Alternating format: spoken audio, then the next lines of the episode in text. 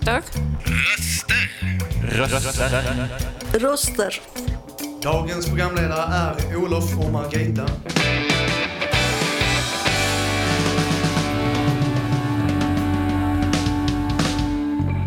Dina röster i vardagen. Hej och välkomna till uh, Fontänbubbel den eh, 30 i 11, det vill säga Andersdagen. Och ni vet väl att om Anders slaskar så braskar julen. Och om, och om eh, Anders braskar så slaskar julen. Vilket betyder att om det, är, om det är kallt idag så innebär det att det blir eh, gråmilt och trist på julafton. Eh, säger skrönan i alla fall. Eh, här i Skåne, Skåne brukar det ofta vara grådaskigt ändå.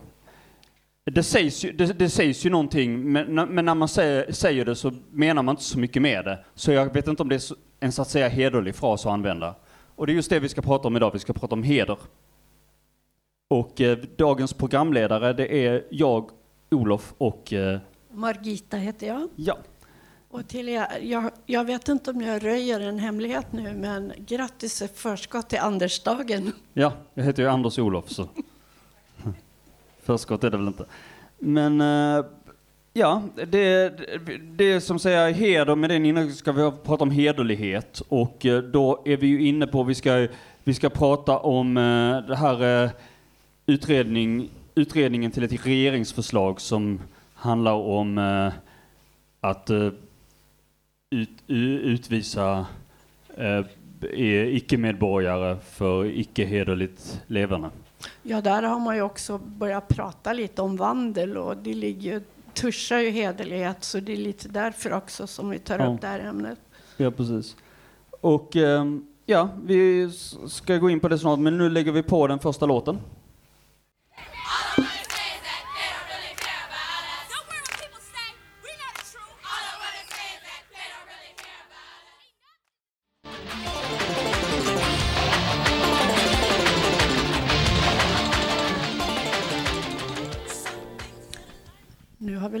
Till Michael Jackson, They Don't Care About Us. Japp. Eh, ja, som sagt, vi är inne på hederlighet och eh, vi har precis tittat och vi pratade om det här lagförslaget. Eh, och eh, det är, vi tittade nu i veckan på 30 minuter och det var Maria Malmer Stenergard som är migrationsminister som blev utfrågad om eh, hur, hur de tänkte när de skulle utvisa icke-medborgare Eh, för eh, för, så här ohederligt levnadssätt. Och, och eh, så som hon svarade, det var, det var, det var väldigt mycket alltså, ja vad ska, vad ska, vad, ska man säga, hur, upp, hur uppfattade du hennes, liksom, var hon trovärdig tyckte du? Ja, Vi hade ju ett resonemang där och försökte förstå, var hon trovärdig eller var hon ohederlig? Och Vi kom ju inte till någon konsensus riktigt, men eh, just att man tar in det här begreppet i någon slags eh, bristande vandel, det ligger ju också i mediapratet just nu. Ja.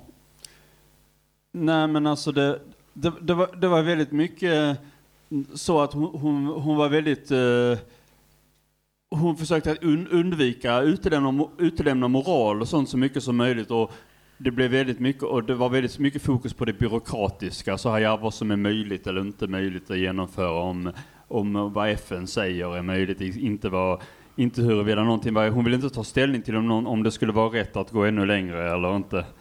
Mm, alltså, alltså hur, hur, att, som till exempel Sverigedemokraterna, att, att de vill att man skulle, skulle kunna riva upp medborgarskap, eh, riva upp medborgarskap eh, om någon hade gjort samma liknande som eh, och, och då sa hon att hon hade ingen princip, inget principiellt ställningstagande för eller emot. Hon sa bara, nej, det, där, är det, får man, där vet vi inte om det är förenligt med vad konventionerna säger. Så det var väldigt byråkratiskt och väldigt så här, eh, ingen, ingen moral eller etik i det. Och, ja, Mm. vi har, vi har ju någon som, eh, som har skrivit lite om det, som, eh, som skulle vilja ge sin syn på det. Välkommen upp Roger. Tack så mycket. Jag har skrivit en liten text här som jag vill läsa upp. Ska jag göra det? Absolut. Okej. Man kan inte ha två olika lagsystem för medborgare i Sverige. Om de borgerligas och Sverigedemokraternas förslag går igenom med dubbla lagar, en för infödda svenskar och en för invandrare, så innebär det att vi får ett skuggsamhälle. Och varför ska tvivelaktiga personer med historisk bristande vandel av svensk härkomst synas med andra ögon än tvivelaktiga personer som invandrat till Sverige? Vilket är syftet? Är det att komma till rätta med bristande vandel? Eller är det ett sätt att utvisa så många invandrare som bara är möjligt? I realiteten så är detta att cementera ett utanförskap och en tvåstatslösning alla Israel-Palestina. Var kommer borgarna in i det här uppenbart enfaldiga sverigedemokratiska förslaget? Är det inte så att det många gånger är samma borgarindivider som tidigare fördömde Sverigedemokraternas politik som numera står på barrikaderna och propagerar för SDs idéer? Jag tänker till exempel på när migrationsminister Maria Malmer Stenergard nyligen satt i tv-programmet 30 minuter, det heter väl så va? Ja. Och agerade hangaround till SD och försvarade deras lagda politiska förslag utan att egentligen själv riktigt tro på dem. Så uppfattade jag det i alla fall. Uppvisar inte borgarna just nu ett smakprov på den banala ondskan som förintelseöverlevaren Hanna Arendt talade om? Att byråkratiskt och rutinmässigt upprätthålla en omoralisk, hederlös stat. Var kommer detta att sluta? I ett amerikanskt republikanskt post-Trump-imperium? Eller i ett nazirike? Vad behöver vi göra för att stoppa bollen i sin rullning? För det är så att någonting har satts igång. Någonting som jag inte vill vara med om. Tack för mig. Tack så mycket Roger. Tack. Att min reflektion tänker jag så här att det här blev kontentan av när du lyssnade här, när du lade ihop det då med andra eh, tankegångar du har haft, eller hur? Jo, kan man väl säga.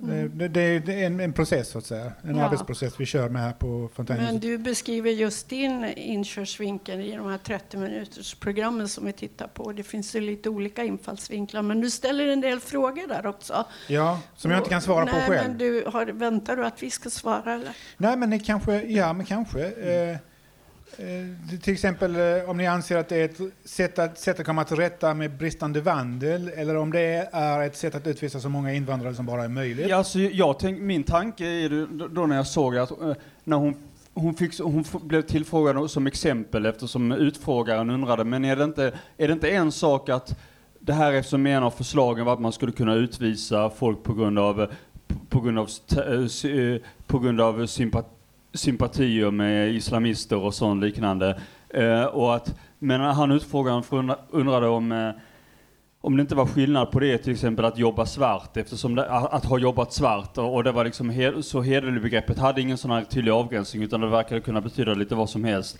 Och det enda exemplet hon kunde ge mig, men kan det komma något exempel på sådär ohederligt levnadssätt? Det var någon sån här kampanj i sociala medier med, med att eh, LVU-kamp, eh, att, eh, att, att Migrationsverket hade kidnappat muslimska barn. Och det var det enda exemplet hon hade som hon ofta återkom till. Men jag, jag, där har jag lite svårt att förstå varför den här typen av, alltså det är ju exempel på så här fake news och liknande och desinformation. Men det finns ju annan desinformation som också är helt uppåt väggarna. Borde inte all sån desinformation behandlas på samma sätt? Liksom, borde man inte ha samma lagar för alla som sprider, alltså det finns ju svenskar och amerikaner och så, så också sprider des, des, desinformation. Jag menar konspirationsteorier och sådana ja, saker. jo precis. Jo, alltså, sen så är frågan, ska man förbjuda konspirationsteoretiker att sprida sin, Eh, sin information? Var ja. in, eller inte information, utan desinformation.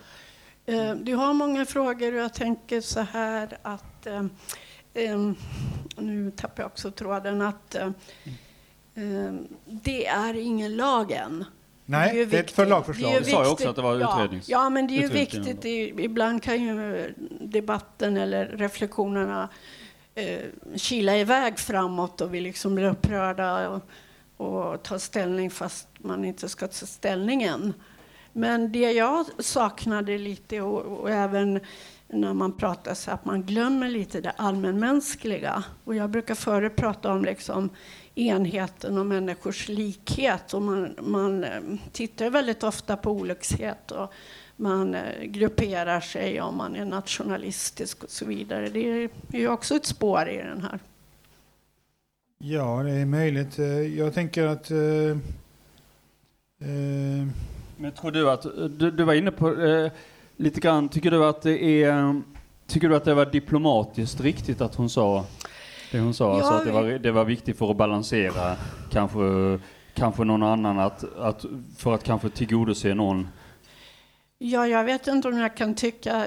Alltså, man kommer ju in på politik och man ska resonera lite grann som, som du tar fram här. Och, det är ju inte så mycket som jag resonerar. Jag Ja, menar ju men- på att de är huvudlösa. men du, ja, Mm. men du har ju väldigt starka värde, värdeuttryck här. Jo, det... Och, och då, då var det hon som sa, och då vill jag komma in med lite diplomatiidéer och kanske också lite förståelse att när man representerar dem. Jag tar inte någon politiker i försvar och jag vet att det finns lite önskvärt att få från politikerna men man kanske också kan se det i olika situationer kan man kanske inte uttala sig. Och då kommer vi också komma in på hederlighet. Kan man vara spikrak i alla lägen eller är det försvarbart att köra någon? Du hade ju en synpunkt på det innan eh, Olof, eh, det hon berätt, tar, tar upp här nu. Det här med att eh, det, det, i det här fallet kan man kanske inte, ska man kanske inte vara diplomatisk utan man skulle vara mer fast. Och, Ja, jag, tyck, jag tycker själv, personligen tycker jag att det gäller att ha fa, fast övertygelse. Om, om hon nu tycker allt det här att man ska göra så, så ska hon- i så fall stå för det och säga att exakt. ja, eh, antingen, antingen att hon står för att hon tycker det eller att hon i alla fall står för att eh, ja, det är, vi måste förhålla oss till Sverigedemokraterna för annars så kommer Socialdemokraterna och, och, vinna, och, och ha överläge mot oss opinionen om vi inte får igenom det. Vi, att hon i alla fall är ärlig på den punkten. Att, ja, det hade ju varit eh, för, företrädesvärt. Ja. det är helt Ja. klart så. Det håller jag med om fullständigt. men nu har jag kanske gått ut över mitt mandat som Ja, nej, nej, nej. opartisk. Hon får ju stå och vad heter det, nagelfaras här, den här Maria. Stenegard, ja. Ja, eh, Men, och eh, det ja. blir ju politiker utsatta för både på Ja. rätt, rättskaffenhet och Ja. balansgång och det handlar också om vilken ståndpunkt man själv utgår ifrån. Men eh, ska vi lägga på ytterligare en låt så återkommer vi snart.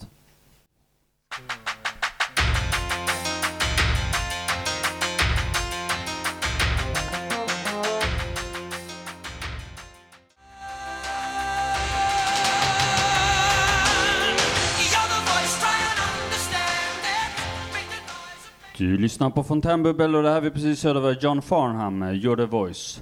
Och vi tackar Roger så mycket för hans eh, text och hans bidrag i debatten. Tack ska du ha. Tack.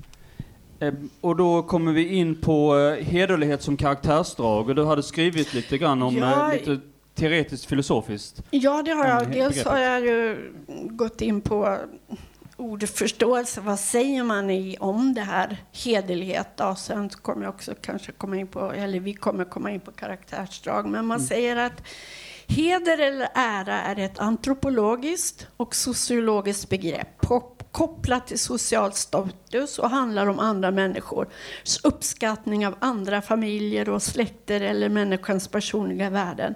Hederns syfte är att bevara ordning i ett samhälle. Och det ska ju kanske politiker stå för då.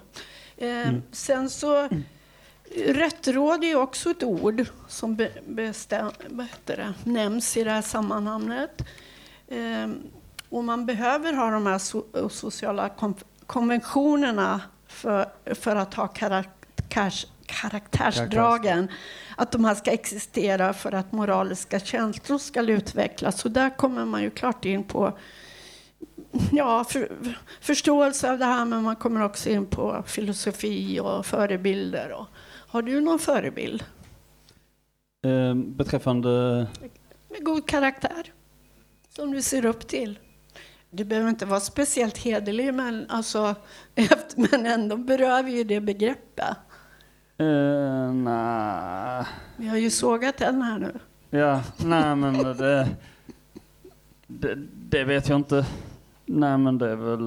eh, jag försöker väl leva, li- liksom, jag försöker väl leva som jag är uppfostrad lite grann och, och, eh, och att och hålla att det jag, det jag säger och det jag agerar är, är lite, lite grann i samklang med varandra. Så, Så det är din inre kompass då? ja.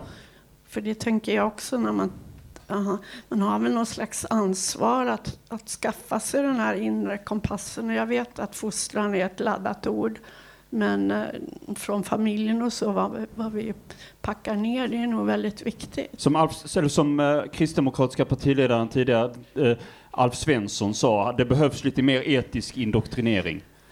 Kanske det, ja, fast de har ju, ja, men man får ju inte säga det. Eller indoktrinera, men lite gör vi ju det.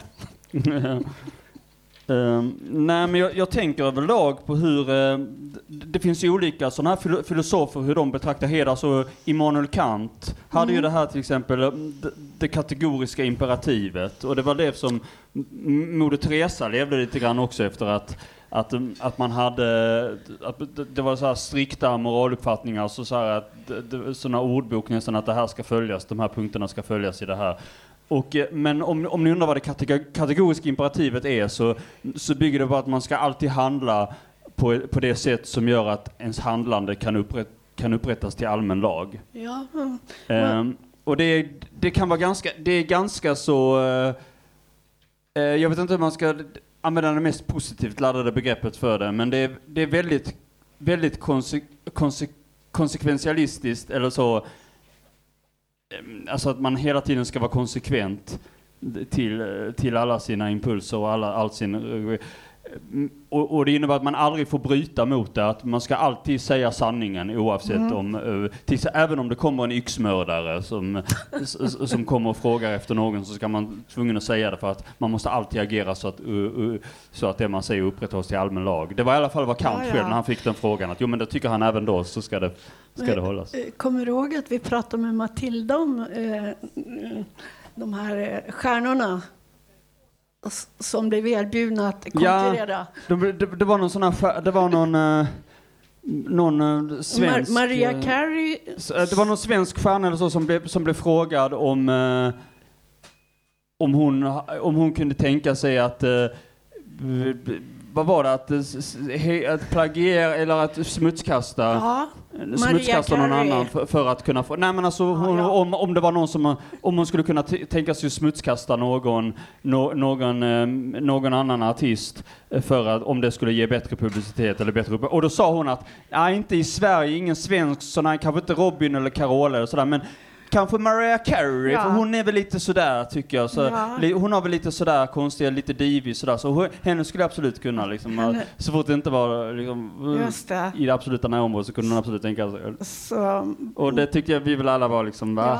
ja. Men man där, där ju, hon, man kommer ju i ett moraliskt dilemma där då, att i vissa lägen så, okej, vi offrar henne då, hon är ändå Ja. så bra. Men ja, men jag, vi, för, för egen del tycker jag det är väldigt, eh, tycker det känns väldigt smutsigt att göra det oavsett. Alltså, eh, att, eh, jag, jag skulle aldrig göra det mot någon, alltså att använda det. Alltså, jag, jag tycker ju till och med illa om det här alltså i, i politiken, tjuvspel, att om det är något, även om något förslag är jättedåligt, alltså om det kommer med något, att, så är jag ändå emot misstroendeförklaringar, eh, liksom om det, om det inte är någon som har brutit mot lagen eller något, något sånt. Eh, för det är också det här, det här spelet att man ska, att man använder, aha, nu har man en chans att, att fälla den här personen eller få, få genomslag, ja men då tar vi den. Eh, och, och jag är emot sånt i alla lägen, så jag är i princip motståndare till allt sånt ja, ja, jag Och dessutom så är- när, när det är sån Mariah Carey som inte liksom det, hon är också, hon har ju inte gjort något moraliskt fel eller något sånt på det, så det finns ingen anledning att hoppa på henne liksom. Nej, nej, men det, det låter ju som att du har någon inre kompass där som, som även håller i, i vanliga debatter, så att säga. Ja. För sen när man kommer till, till själva situationen, då kanske man står för något annat. Och det är ju inte bara, det är inte bara vad det gäller media och så. Men jag har en slags eh, rättesnöre som i en text att sannfärdighet är grunden till alla mänskliga dygder. Och strävar jag då efter nu är ju dygder också ett värdeladdat ord, men jag kan säga tålamod och kärleksfullhet och vänlighet som dygder. Då gäller det att ha karaktärsdragen pålitlig sannfärdig. Och det, det försöker jag att inte kompromissa med. För att jag kan inte bygga något om jag inte har en fast Lodestone. Ja, eh, ja eh, jag tänker eh, vi, eh, vi kan få lägga på en låt och så fortsätter vi sen.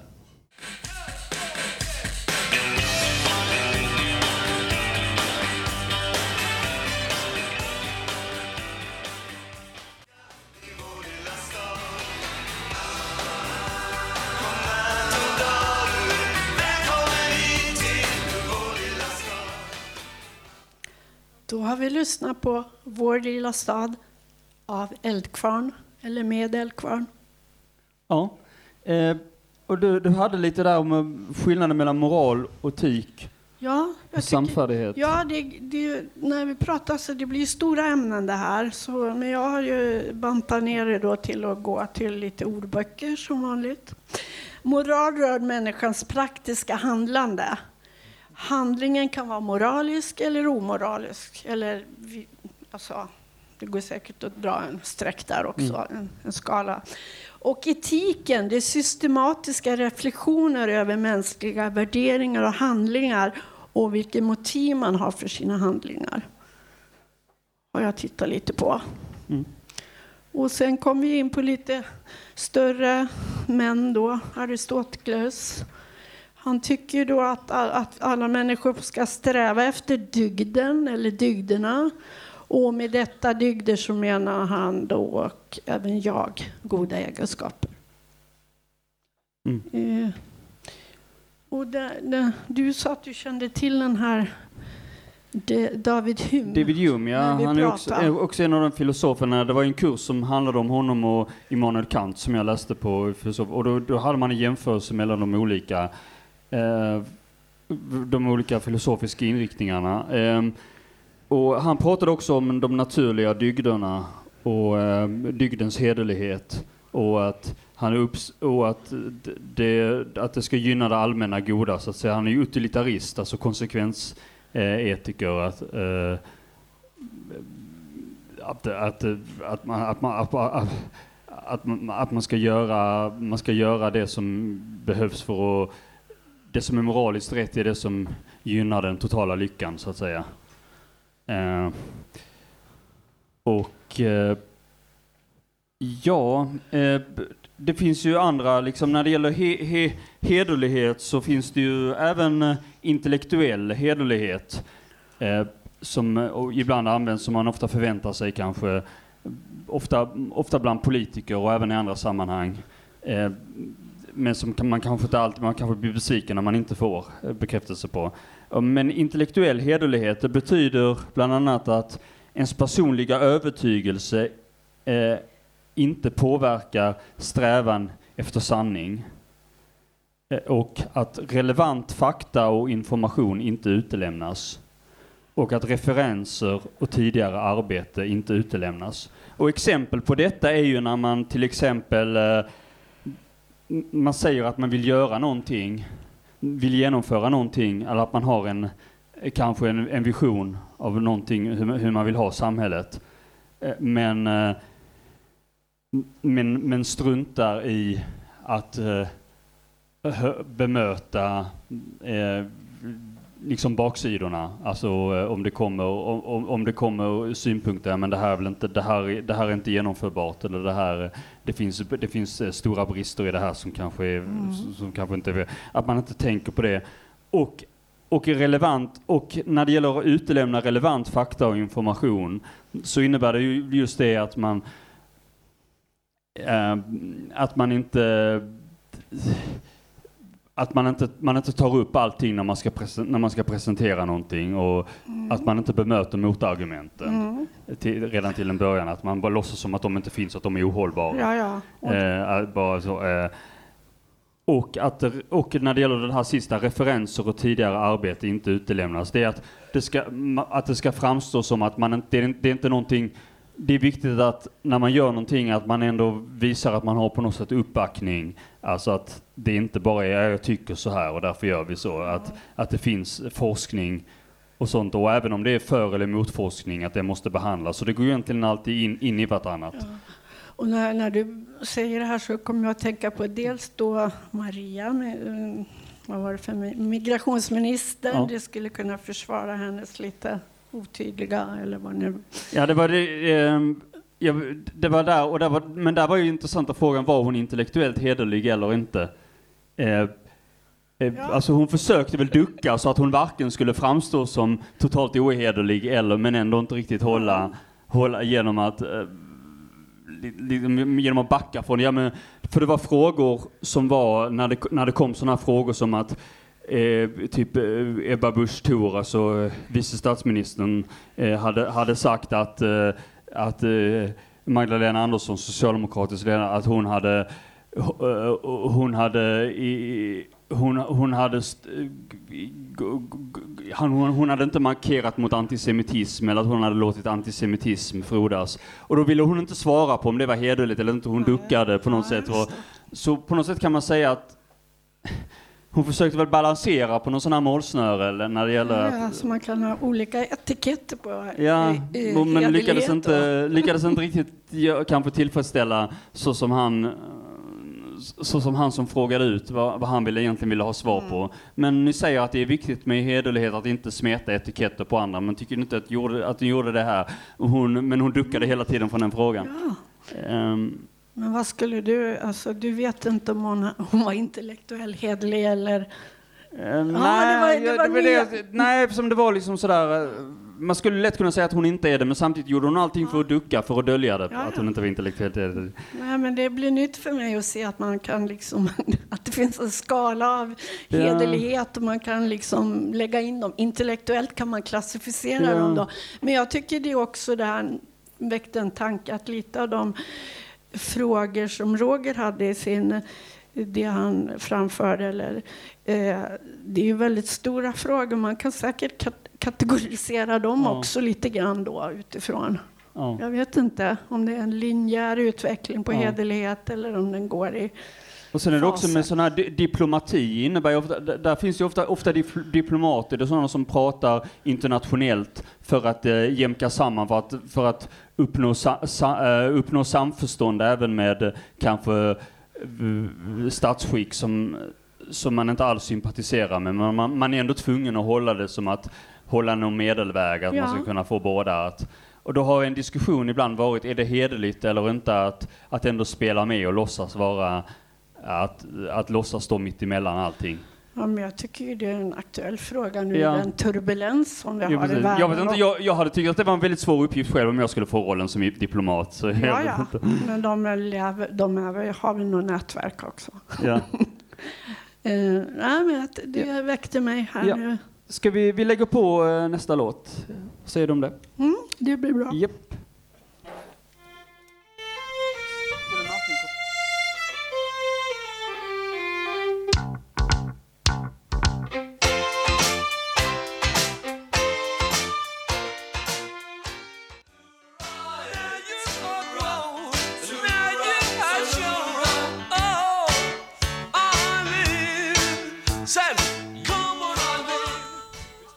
Du lyssnar på Fontänbubbel och det vi precis hörde var Dexys Midnight Runners med Come On Eileen. Vi har en gäst uppe här, vill du presentera dig? Ja, jag heter Martin. Välkommen. Hej, Tack. vad är dina tankar utifrån det vi pratat om?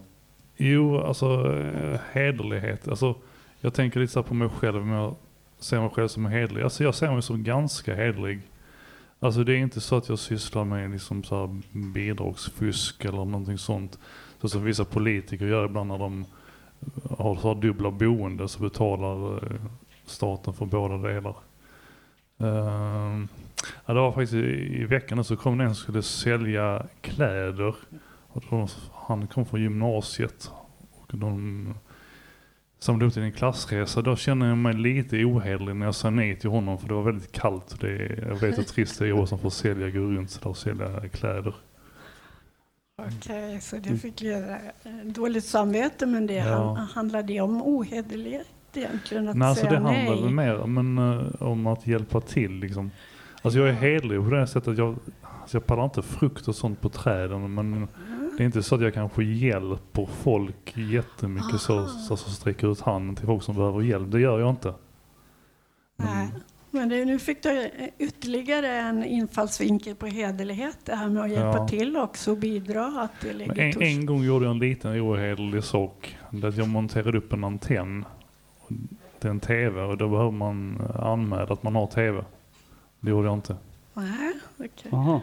Jag tänkte fråga, har du någon förebild i, som du ser upp till?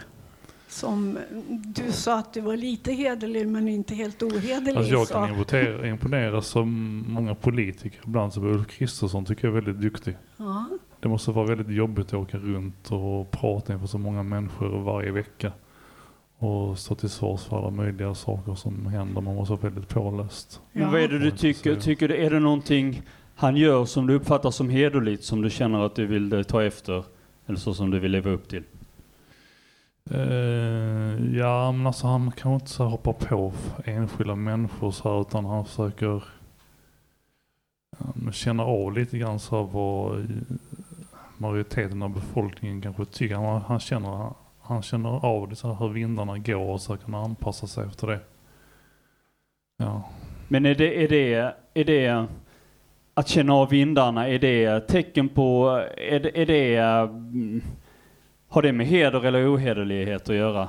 Det handlar väl, det handlar väl mer om att, eh, om att navigera så att säga. Som politiker. Ja, men alltså han, går, han, alltså han är hederlig på det sättet att han går liksom inte emot eh, befolkningen och gör saker och ting. Som, ja, men nu till exempel om Sverige ska gå med i NATO, då ska Turkiet vara med och bestämma det. Det tycker jag är helt konstigt. mm. Det tycker inte jag är speciellt uh, hederligt på något sätt. Nej. Men du, du tycker att han har... Att vi har varit med, alltså vi har inte varit med i NATO men vi, vi är närmare de länderna som varit med i NATO under längre tid. Och eh, det, alltså det är så oroligt i Turkiet också, alltså det är mycket terrorism och sånt som terroristgrupper som håller till där, det, det vet man ju, det är känt. Så att Ja. de kanske inte det var något bra föredöme. Nej, där hade du ingen föredöme i alla fall, och förebild. Men eh, Ja. det finns ju ett begrepp som, som heter vända kappan efter vinden också. Jag vet inte om det existerar fortfarande. Men alltså, det är väl också en slags dip diplomati och... Ja, fast där, där är det ändå specifikt, alltså när det gäller diplomati så är det ändå att, att man ska eh, samtala och försöka få, man har ändå ett gott mål i syfte att vända kappan efter vinden är mer att, att eh, man låter, man anpassar sig efter vad, vad eh, och, åh, det här är populärt just nu, ja men då säger jag, då säger jag det här, men då ändrar jag det här, eller det här, det här får jag motstånd från, ja men då måste jag ändra mig. Eh, Så det är lite olika begrepp. Alltså diplomati är ändå en, en mer idealistisk. Ja. Men ska vi tacka för dina Ja. bidrag Ja, då, Martin? Och vi tack för. det. Eh, Eh, Ja, vi, vi tänker komma in på det här med den, eh, den sociala skampålen i samband med eh, att när man, ager, när man när man inte agerar, att man inte följer, när man, när man, när man inte följer eh, samhällets eh, heders eh, normer. normer så att säga. Att, eh, alltså skampålen har väl en sån här begrepp att man, man, man att, att man satte, att man, man planterade folks eh, hu- huvud och halsar ja. utanpå sån här på en påle. Eh, Ja. Och den sociala skampålen, vad innebär den då? då den? Ja, alltså, då var det ju vid den tiden, det var väl ofta men du fick sitta, alltså jag vet ju inte riktigt, men du, du fick väl sitta i skampålen utanför kyrkan eller där folk rörde sig och gick och där de hade sina samlingsplatser. I, idag så har vi den sociala skampålen på nätet lite grann. Mm. Och man har vi ju funderat lite, kan det vara, kan det vara nutidens skampåle? Ja, Att du trackar någon den vägen eller hänger ut? Vad tror ja. du? Jo, det, väldigt, väldigt ofta är det ju så att man, eh, man använder eh, me, me, me, eh, sociala medier för att eh, hänga ut någon, an, antingen lyfta ut ett citat eller att vilseleda och sprida rykten om någon annan. Och ehm, ofta, ofta använder, använder folk, det finns både ett ohederligt sätt att driva att skriva sådana här rykten som till exempel med LVU-kampanjen att staten ki- eh, kidnappar muslimska barn eller, eller att eh, den globala uppvärmningen är ett påhitt, är ett, är ett påhitt från Kina eller E-, eller att de, har skapat eh, covid, covid-viruset i ett labb eller att USA, och, USA driver proxy war i Ukraina. Att det, att det, att det är två stater som krig, eh, att eh, istället för att istället för att det är Ryssland, att det är typ USA och och, och något annat, någon annan stat som bedriver gemensamt krig i, mot varandra i, inom Ukrainas gränser. Sådana typer av desinformation. Men sen är det också frågan, också finns det sån här rasism och sexism och folk som skriver, skriver och trollar och så här på nätet. Och eh, sån här eh, deplatforming finns också till exempel att man stängs av från eh, Twitter. Donald Just Trump det. stängdes Ja, av från ja. Twitter till exempel och Andrew Tate stängdes av från Youtube och lite sådana saker. Ehm, och där, det som kallas, eh, och det har kallats uh, cancelkultur. Ja. Ehm, men då är ju frågan, eh, när man gör det, när man deplattformar, eh, vad är det att man, man vill kanske upp, upprätthålla heder då på något sätt? Att man, man vill inte ha falska rykten och, och, grund, och fördomar att det ska spridas. Eh, Men problemet är kanske att då flyttar det till ett annat ställe och då, då, då kommer, eftersom folk ändå sympatiserar med de här, oh men han blev, han blev avstängd där och så kommer folk att söka sig till ett nytt ställe och så kommer de ändå ha inflytande. Så det är en svår fråga hur man agerar hederligt på, i, i sådana sammanhang, alltså både upprätthålla lagen också och, och uppnå goda konsekvenser. Det blir också en fråga vilken dualitet det har och vad är hederlig och ohederlig och var ska, ska, och en modern skampåle är att du befaras att bli utestängd eller uthängd. Då. Eh, Men det är fortfarande gränsland där och vilka som bedömer då vad som är vad. Ja. Så det är, men det är intressant.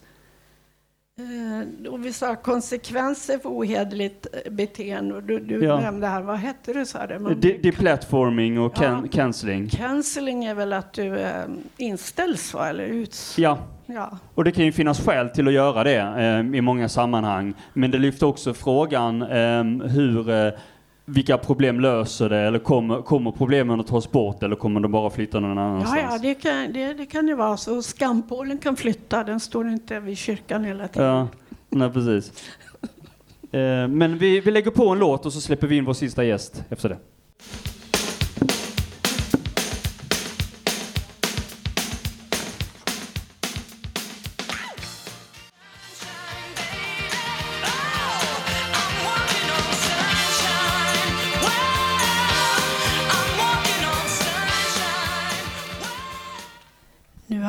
Har till Katrina and the Waves, Walking on Sunshine. Och vi har fått upp en gäst, Mikael. Välkommen. Eh, jag tänkte egentligen eh, säga det här med, jag tänkte på heder, att det hade med, med förtroende att göra, men nu kommer jag att tänka på en annan sak faktiskt. Och det är det att jag upplever att det här med heder i eh, ett samhälle är oftast, eh, det försigkommer, tror jag, vanligtvis väldigt mycket folk som inte har någon heder på grund av att det finns ett visst eh, förtryck i samhället. Och jag tror att det beror mycket på att folk är väldigt socialt blinda. Okej. Men, eh, men förtroende finns det. Ja. De är lurade alltså. Förtroende för vem? För samhället alltså. Okej, så... Men, Man, man, man, man, man litar blint på dem som, som Okej. eh, missbrukar, ja jag skulle säga vanheder då. Så vi har ett förtroende för ett ohederligt samhälle, kan man uttrycka det så? Eller? Nej, jag menar Nej. så här att man vet inte vilken heder som gäller, för skulle du veta det så Ja, skulle du kunna se det rakt igenom. Okej, så heder kan vara tändbart då? Nej det, det? nej, det tror jag inte. Okej. Eh, kan jag fråga, har du någon förebild som du tycker är hedersam, någon människa eller någon annan, jag ska inte säga politiker, men artist eller något som du tycker är bra? Nej, jag har aldrig tänkt så faktiskt. Eh, jag har aldrig tänkt så. Eh, nej, jag, Du kanske inte har fått frågan förut? nej, jag, nej, jag tänker inte så. Nej. Men vad, te- vad, vad går du själv efter? Jo, jag tror, jag har tänkt så, det men det gör jag inte längre. Att jag utgick från att alla skulle tänka som jag och det gör de inte. Att alla skulle tänka som jag och det gör de inte. Och Mm. det var det att då förväntade jag mig att eh, då skulle folk eh, ha den vanheden som jag förväntar mig då, men det hade de inte. Oj, Oj. det var väl en positiv överraskning? Nej, nej. Nej, okej. Men vad tycker du, hur tycker du att, vad tycker du, vad, vad, vad betraktar du som, är hed, som, är, som ett hederligt levnadssätt eller ett hederligt sätt att agera på? Finns det några exempel som du vill ge på någonting som du uppskattar, som, som du uppskattar, en egenskap hos folk som du värderar högt? Eh, Alltså det, det är just det här med förtroende men, men eh, jag, jag har haft det problemet att jag har, har Nej, jag, jag vet inte. Jag har inget svar på den frågan. Nej. Men, du- men du har ändå någon, du har ändå någon slags kompass att eftersom du kan identifiera vad du tycker är ohederligt så, så tänker jag att du känner ändå att det finns, det finns sätt att leva på som är hederligt. Men du har gett, ett, du har ju gett exem, exempel och upp, uppfattat Nej, det var, det var så här att när jag var yngre och var barn då så var det Mm. alltid så att då skulle man göra rackartyg då och då skulle man hitta på bus och testa folk. Var går gränsen på vad som är hedligt och inte? Ah, vad intressant. Oj. Så, så det var, gick du efter samvetet då eller vad du fick för reaktioner från omgivningen? Nej, nej, det, det, var, det väl, var väl ungefär så man lekte då när man var sådär i tonåren då. Att Men- man skulle bryta mot allting. Ja, men fattar du när du gick över någon form av gräns, eller? Nej, men alltså man, man går över gräns, men det är ingen, det är inte om, och, och, okej, okej, om, om man skulle göra någonting som är väldigt ohedligt, ja, vad ska de göra då? Ja, Jag vet inte. Det Vad ska var, de göra? det, var du, det var du i ditt gäng. Nej, de, vad ska folk göra åt det? Ja, det kan de nog göra mycket åt. Men eh, Ja, eh, men vi tackar så hemskt Ja. mycket Mikael. Eh, och vi tackar de andra eh, som också varit uppe. Vi tackar Roger och vi tackar eh, eh, Martin. Eh, hoppas, jag inte glömt, hoppas vi inte glömt någon. Eh, nej. Och så tackar vi oss själva. Eh, Margita och Olof, så skakar vi hand ja. Och så tackar vi, tackar vi Per och Tina för tekniken. Eh, och eh, vi har pratat om hederlighet och snöat in ganska mycket på eh, politiska spörsmål. Ja. Lite filosofi Ja. och lite personligt också. ja, Eh, och, och sociala medier. Och vi återkommer med ett nytt Fontä- Fontänbubbel nästa vecka. Och vi lägger på den sista låten och det verkar som att det är ABBA Dancing Queen. Yeah.